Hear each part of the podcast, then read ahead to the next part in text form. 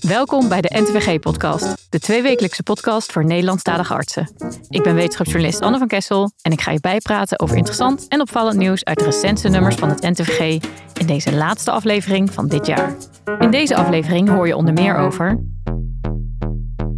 betrouwbare manieren om bij patiënten onderscheid te maken tussen onder- en overvulling? Nou, het is gewoon belangrijk dat je zo snel mogelijk en zo goed mogelijke beoordeling kunt maken van je patiënt. Fileren onze artsen in opleiding Tim en Ernst-Jan weer enkele relevante wetenschappelijke artikelen. Het eerste artikel dat we in deze aflevering gaan bespreken, dat in ieder geval een uh, onderzoek wat aanzet tot een uh, gesprek. En horen we over de anesthesiologie als voorloper in het gezonder en veiliger maken van de werkomstandigheden voor artsen. Zien we helaas ook steeds meer incidenten van dat mensen gewoon na een nachtdienst van de weg afraken, zeg maar naar huis rijdend. Zoals jullie gewend zijn, beginnen we met de rubriek Wat hoor ik daar? Het spel waarin je de betekenis van geluiden met een geneeskundige link mag raden. Eerst komt het geluid en later deze aflevering hoor je wat het was. Daar komt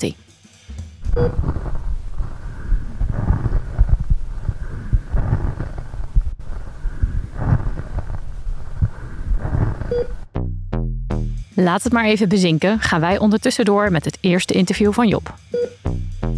Het is een klassiek vraagstuk in de geneeskunde. Hoe kan je betrouwbaar bepalen of iemand met bijvoorbeeld hypotensie, dyspneu of nierfunctieverlies over- of ondervuld is? Kan dat nog met ouderwets handwerk, anamnese en lichamelijk onderzoek? Of is het nu echt tijd om over te stappen naar het standaard inzetten van echografie? Job bespreekt het met Loes Schepers, AIOS interne geneeskunde in het Radboud UMC in Nijmegen. Welkom Loes in de podcast. We hebben het over de vullingsstatus. Dus we hebben het over eigenlijk hoe, hoe vol zitten je bloedvaten. Ja. Zou je dus nog even kort kunnen definiëren wat het ook weer is? Ja, in ons stuk hebben we het met name over de intravasculaire vullingsstatus. Dus is die verhoogd, hè, hypervolemie, of is die normaal euvolemie, of is die verlaagd hypovolemie? En dan gaat het over eigenlijk de, de intravasculaire vullingsstatus. Dus uh, hè, wat betekent dat voor het effectief circulerend vermogen? En daarin bekijken we naar de hele patiënt. Hè, dus zowel de tekenen van oedeem, uh, longgeluiden, alles bij elkaar. En waarom is het zo ontzettend belangrijk om, om dat onderscheid te maken? Nou, het is gewoon belangrijk dat je zo snel mogelijk hè, zo goed mogelijke beoordeling kunt maken van je patiënt. Omdat juist bij die patiënten waar het nog niet vanaf het begin hartstikke duidelijk is, wel eens ooit betekent dat je gewoon later start met de juiste behandeling. En dat is natuurlijk gewoon uh, ja, echt niet, niet goed. Dus een optimale beoordeling van je vullingsstatus, dat hoort eigenlijk gewoon bij het uh, zo goed mogelijk beoordelen van je patiënt en het uitvoeren van je lichamelijk en aanvullend onderzoek. En wat is de gangbare manier om dit uh, te bepalen? Ja, dus een patiënt wordt beoordeeld uh, door een arts. Hè. Dat kan zijn in de eerste lijn door de huisarts uh, in de huisartspraktijk of uh, bij hen thuis. Of op een spoedeisende hulp of in een verpleeghuis. Komt een arts bij de patiënt en die stelt natuurlijk een aantal vragen. Het begint natuurlijk allemaal bij de anamnese. Waar heeft de patiënt last van? Um, en die vervult dat vervolgens aan met lichamelijk onderzoek. Waarbij die de patiënt gaat onderzoeken. Hè. Kan kijken naar dingen zoals de slijmvliezen, oedeem. En uiteindelijk kan zoiets ook nog aangevuld worden met eventueel aanvullend onderzoek. En dan kun je bijvoorbeeld denken aan nog aanvullend bloedonderzoek of een X-thorax, dus een longfoto, dat soort stappen. Ja. En nu zijn er ook tegenwoordig nieuwe middelen om hier beter naar te gaan kijken, of preciezer, of in op een andere manier. En eentje daarvan is de echo, hè? de point-of-care echo, dus eigenlijk een hands-echo. Ja, er zijn uh, tegenwoordig steeds meer portable devices uh, beschikbaar. Hè? Dus een handheld echo die zo groot zijn dat ze eigenlijk gewoon in de jaszak passen. Dus daarmee komen ze ook beschikbaar voor meer doktoren dan alleen die in het ziekenhuis die een echoapparaat op de spoedeisende hulp hebben staan. En dan kun je dus ook denken aan huisartsen of verpleeghuisartsen. Op die manier kun je met echografie als aanvulling op je lichamelijk onderzoek en je anamnese dus proberen nog meer gegevens te verkrijgen die uh, de beoordeling van de vullingsstatus zouden kunnen verbeteren en efficiënter zouden kunnen maken. Wat voor soort informatie hebben we dan met name? Ja, in ons artikel beschrijven we een aantal dingen die je kan bekijken, zoals de VNE jugularis interna. Beoordelen van de centraal veneuze druk is niet bij iedere patiënt hè, via de jugularis externa even goed uitvoerbaar. Ook niet iedere uh, dokter heeft die, uh, dat lichamelijk onderzoek nog even goed in de vingers. En met de echografische beoordeling van de jugularis interna ga je ook een meting doen van de CVD. Dus uh, hè, wat iets kan zeggen over de vullingsstatus. En dat is toch een iets uh, objectievere meting uh, in onze ogen. En we weten dat als je dit aanvult met andere onderdelen. Dus ook kijken naar de longen. Waar je tekenen kan zien van vocht interlobulair. Door middel van B-lijnen. En ook kijken naar de grote vaten in het lichaam. En daarbij is een, een belangrijke de vena cava inferior. Dat is het groot bloedvat hè, wat terugstroomt naar het hart. En daarvan weten we dat die kun je in beeld brengen. En als die hè, groter is dan 2 centimeter, dan hè, zou dat kunnen passen bij hypovolemie. En met name als er ook heel weinig variatie bij de ademhaling is, dan weten we dat dat uh, toch heel suggestief is dat een patiënt overvuld kan zijn. En bij uh, de longen, wat ik net ook al noemde, hè, je kunt dus uh, naar het longweefsel zelf kijken, maar je kunt ook nog op het laagste punt kijken of je pleuravocht ziet. Hè, want als je dat natuurlijk ziet, dat is ook heel suggestief dat er toch meer hypovolemie zou kunnen spelen. Niet alle collega's lijken overtuigd van die meerwaarde van die echo's. Waar zit het hem in dat nog niet helemaal iedereen daar zo overtuigd van is? Nou, het is natuurlijk iets wat denk ik deels moet groeien. Hè. Het is iets wat de afgelopen jaren intrede heeft gedaan. Maar inmiddels toch wel echt in ieder ziekenhuis en ook in bijna alle uh, medische specialistische vervolgopleidingen hun uh, intrede aan het doen is.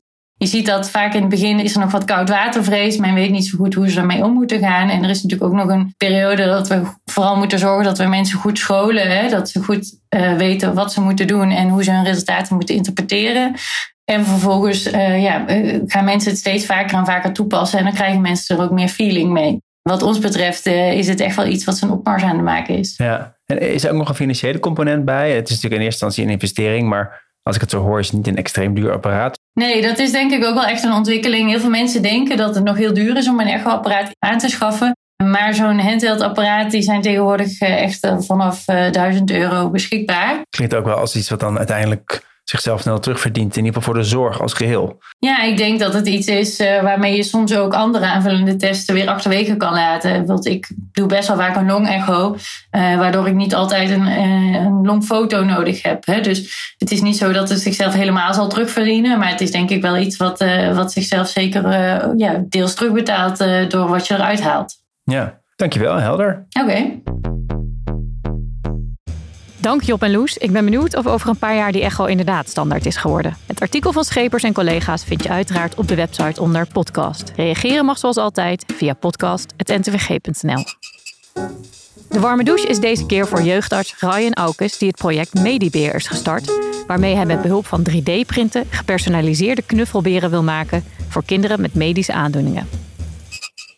Goedemorgen Ryan, uh, gefeliciteerd met de warme douche. Heel erg bedankt. Ik vind het onwijs leuk om hier wat te vertellen over het project waar ik mee bezig ben. Ja, want jij wil uh, 3D-geprinte knuffelberen maken met medische aandoeningen. Waar moet ik dan aan denken? Ja, ik zal bestaande knuffelberen nemen en daar wil ik zelf gemaakte medische accessoires uh, aan toevoegen. En denk bijvoorbeeld aan een stoma, een prothese, zondevoeding, een gehoorapparaat. Ja, en omdat ik het zelf ontwerp zijn eigenlijk de mogelijkheden eindeloos. En hoe kwam je op het idee van dit project? Voor kinderen kan de medische wereld soms wat eng zijn. Soms is het lastig voor ze om te begrijpen waarom iets nodig is. Uh, dus daar wilde ik iets aan doen. En naast mijn werk uh, heb ik als hobby 3D-printen. En via social media krijg je natuurlijk altijd suggesties voor berichten die bij je interesses passen. En zo kreeg ik een bericht van iemand die in Engeland bezig was met iets soortgelijks. En dat vond ik zo mooi dat ik hem gelijk benaderd heb met de vraag wat hij ervan zou vinden als ik iets soortgelijks in Nederland op zou zetten. Mooi. En, en wanneer is het project voor jou geslaagd? Voor mij is het geslaagd als ik zoveel mogelijk kinderen kan helpen. En dat zie ik voor me als dat ik zoveel mogelijk kinderen een knuffelbeer kan geven waarin zij zich herkennen, zodat ze zich niet buitengesloten of anders voelen door een medische aandoening.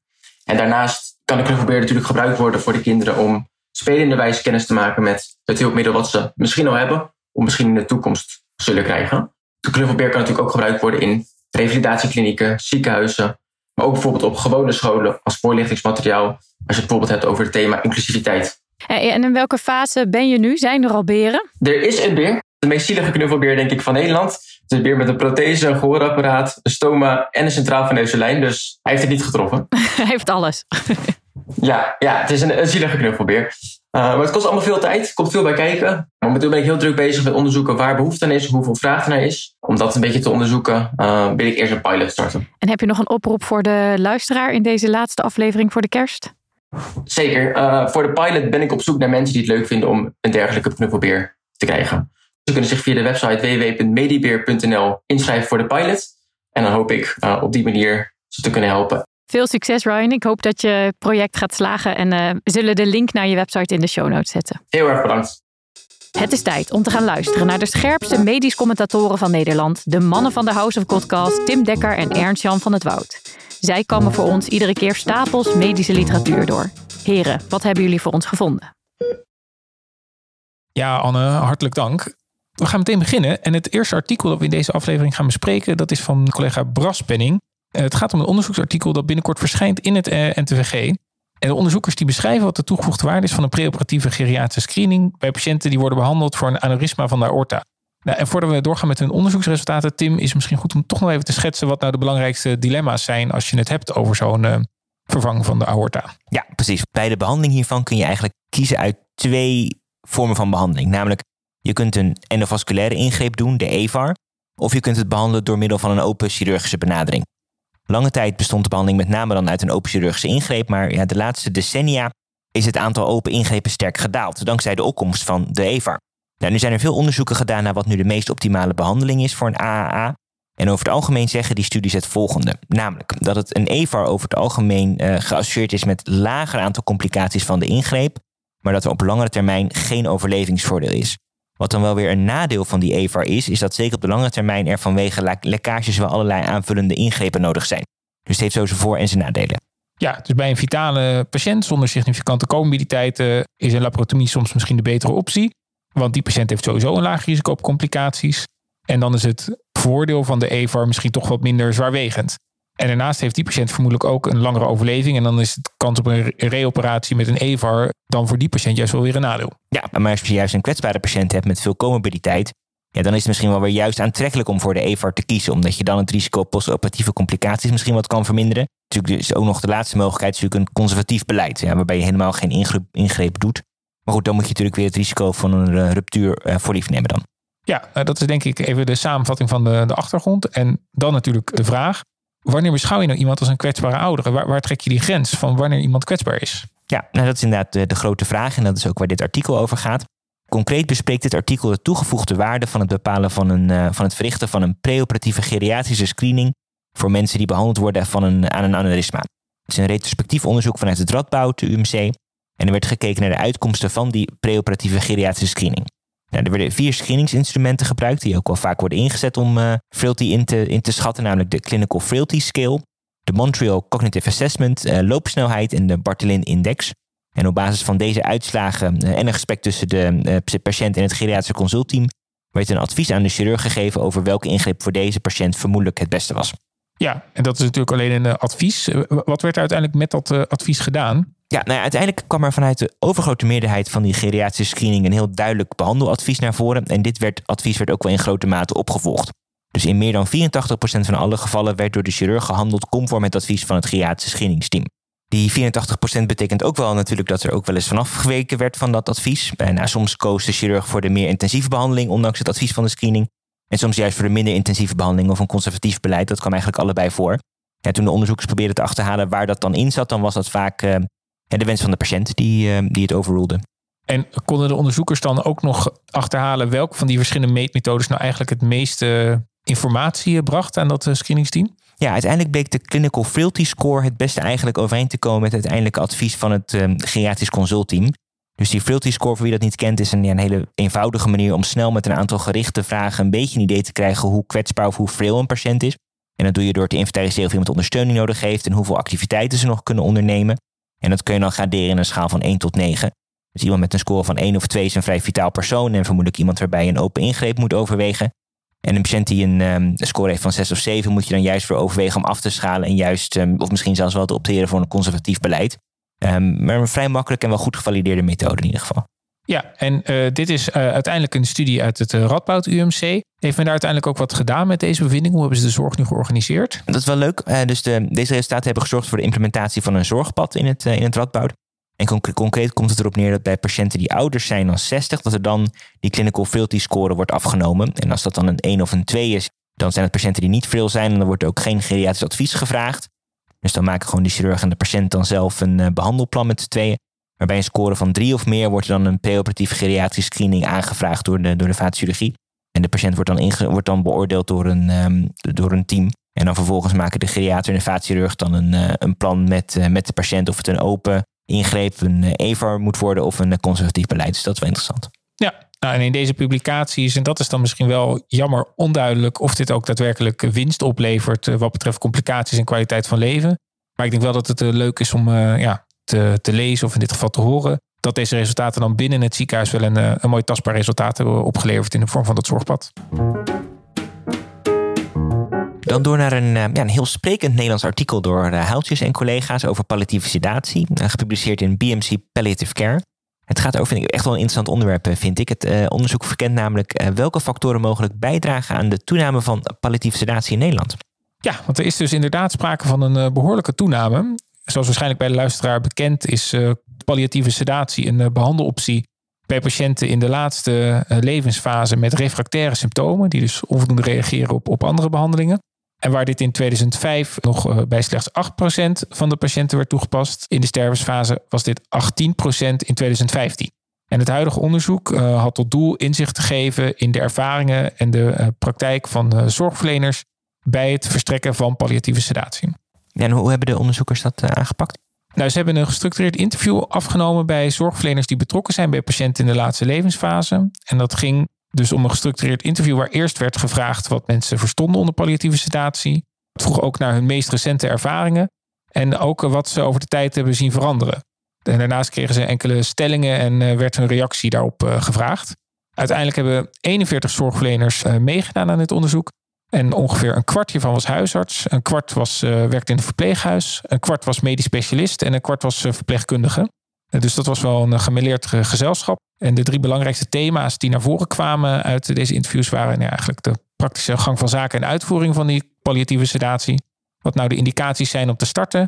En ook de besluitvorming omtrent het starten. En wat vond jij van, van dit alles de meest opvallende uitkomsten? Ja, dus ze bespreken eigenlijk allemaal uh, antwoorden op die uh, gestructureerde interviews. En er kwam uit naar voren dat iedereen wel bekend was met de indicaties van uh, continue palliatieve sedatie en het gebruik van welke medicatie. maar de behandelaren gaven aan dat ze het concept van die refractaire toestand eigenlijk wel steeds breder zijn begonnen te interpreteren. En ook vaker symptomen van niet-fysieke oorsprong beschouwen als een reden om te starten.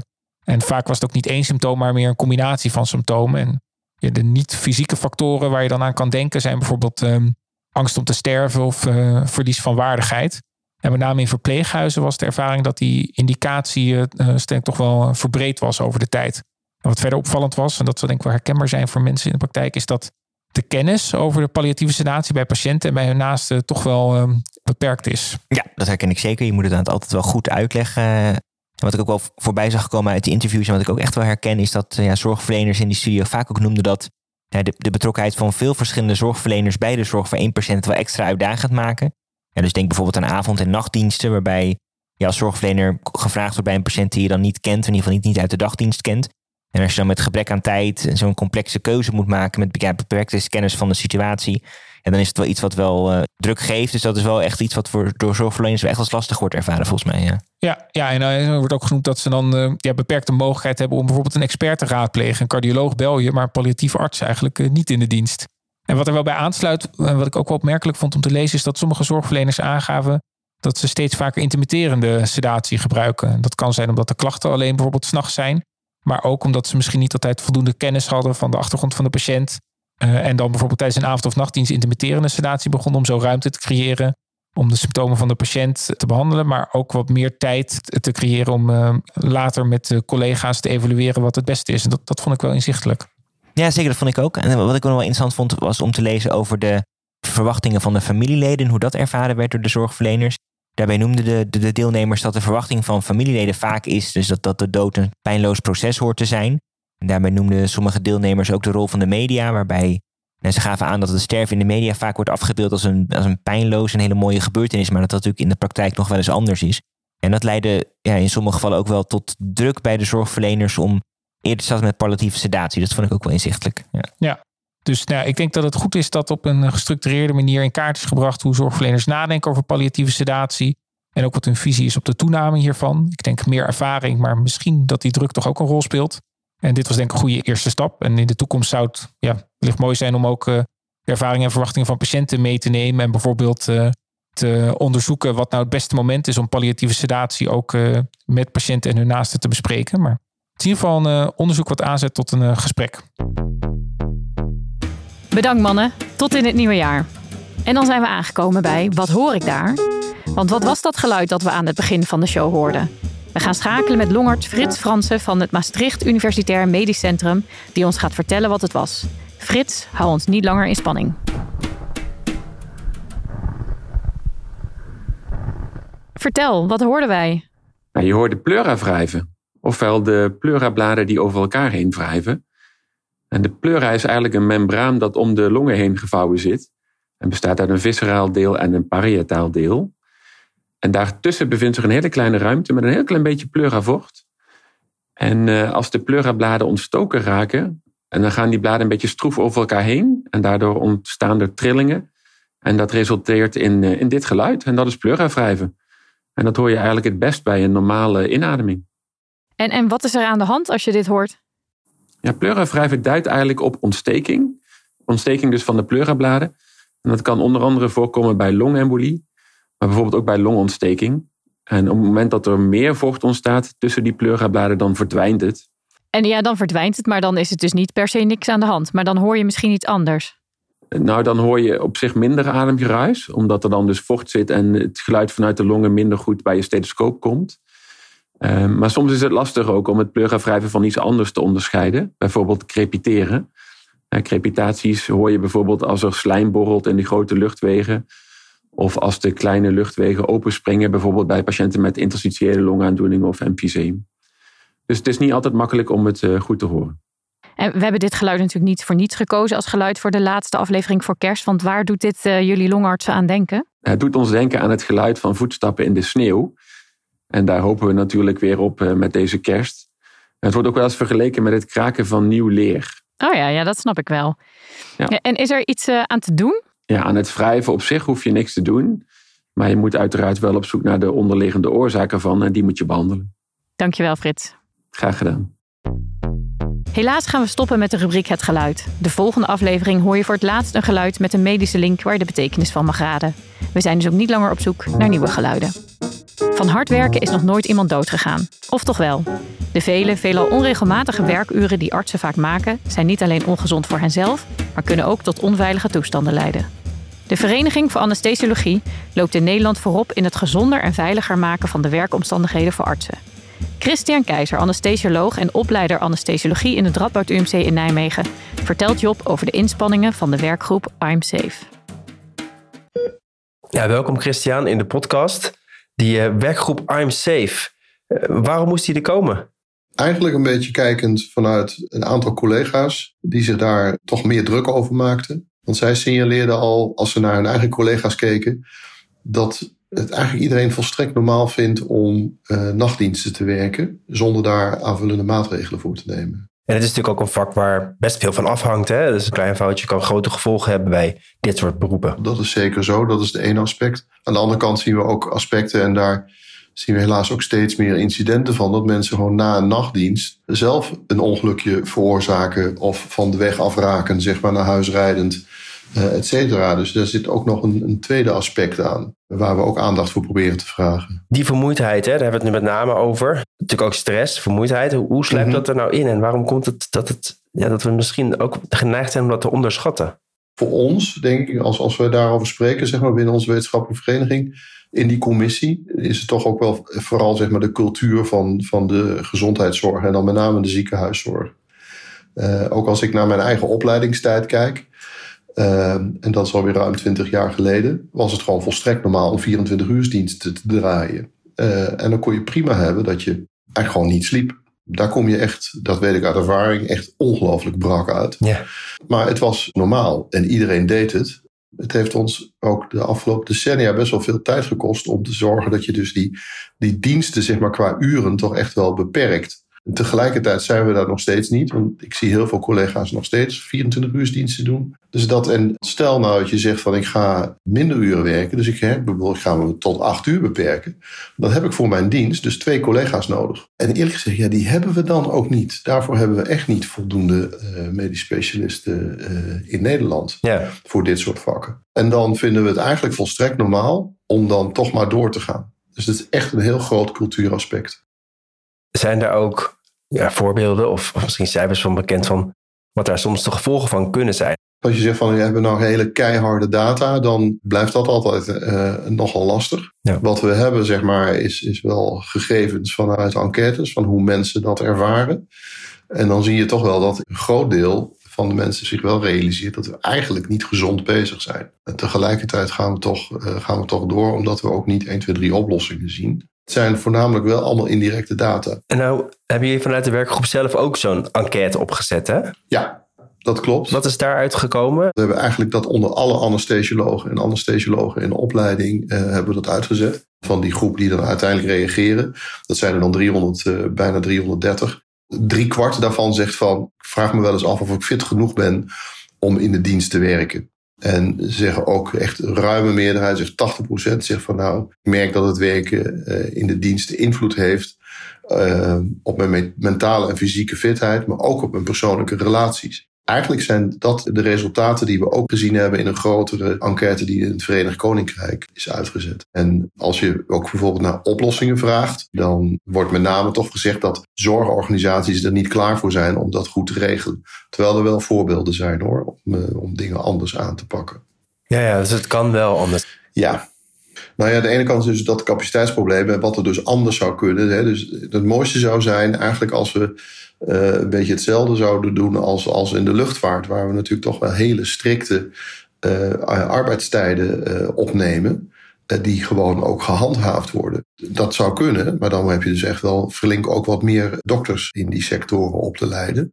Wat we nu wel zien aan goede voorbeelden, is dat, zeker in de avond- en nachtdiensten, dat je wel, wel zaken kunt regelen. En dan, dus als er uh, rustige momenten zijn, dat mensen ook gewoon een fatsoenlijke slaapomgeving hebben, bijvoorbeeld.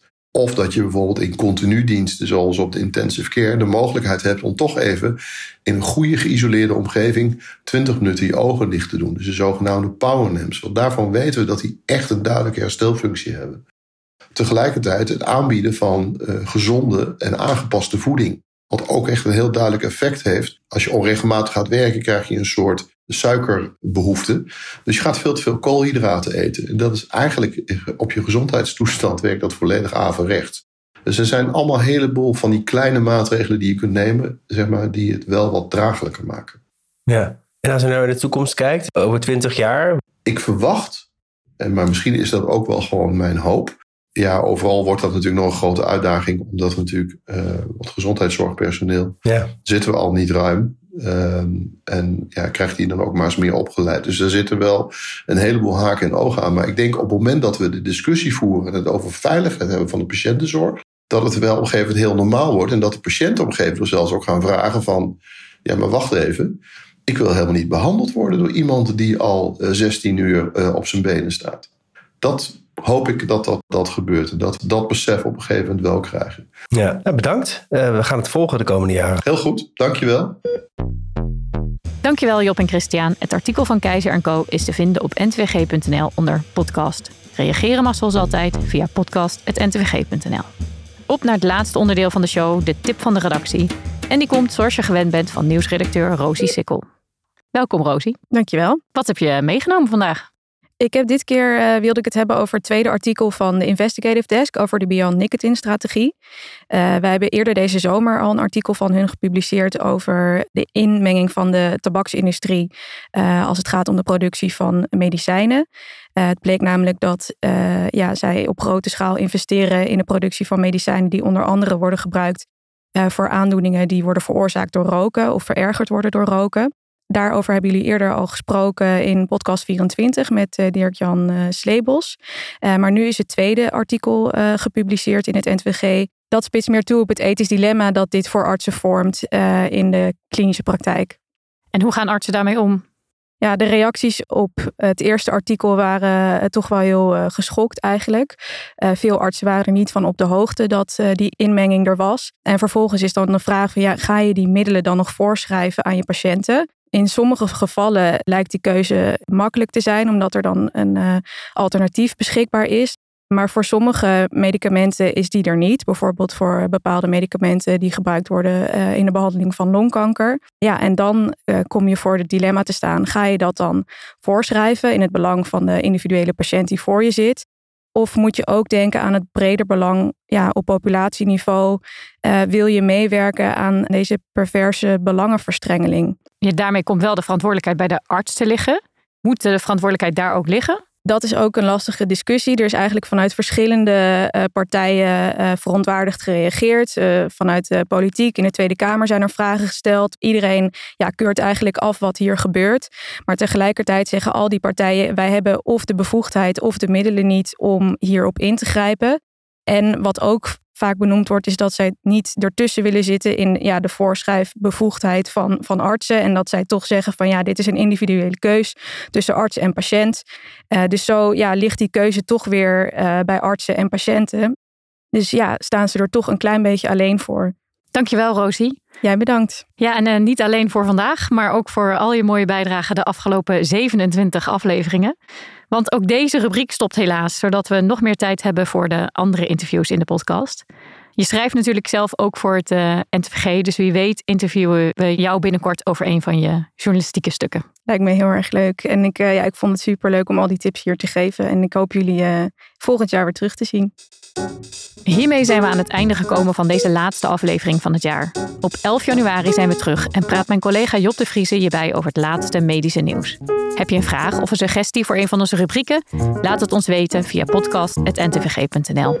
Waardeer je onze podcast? Stuur ons dan door naar die ene collega waarvan je zeker weet dat hij of zij ons ook gaat waarderen. En laat vooral een review achter door een aantal sterren te geven. Zo help je ons om niet alleen de beste, maar ook de best beluisterde medische podcast van Nederland te worden.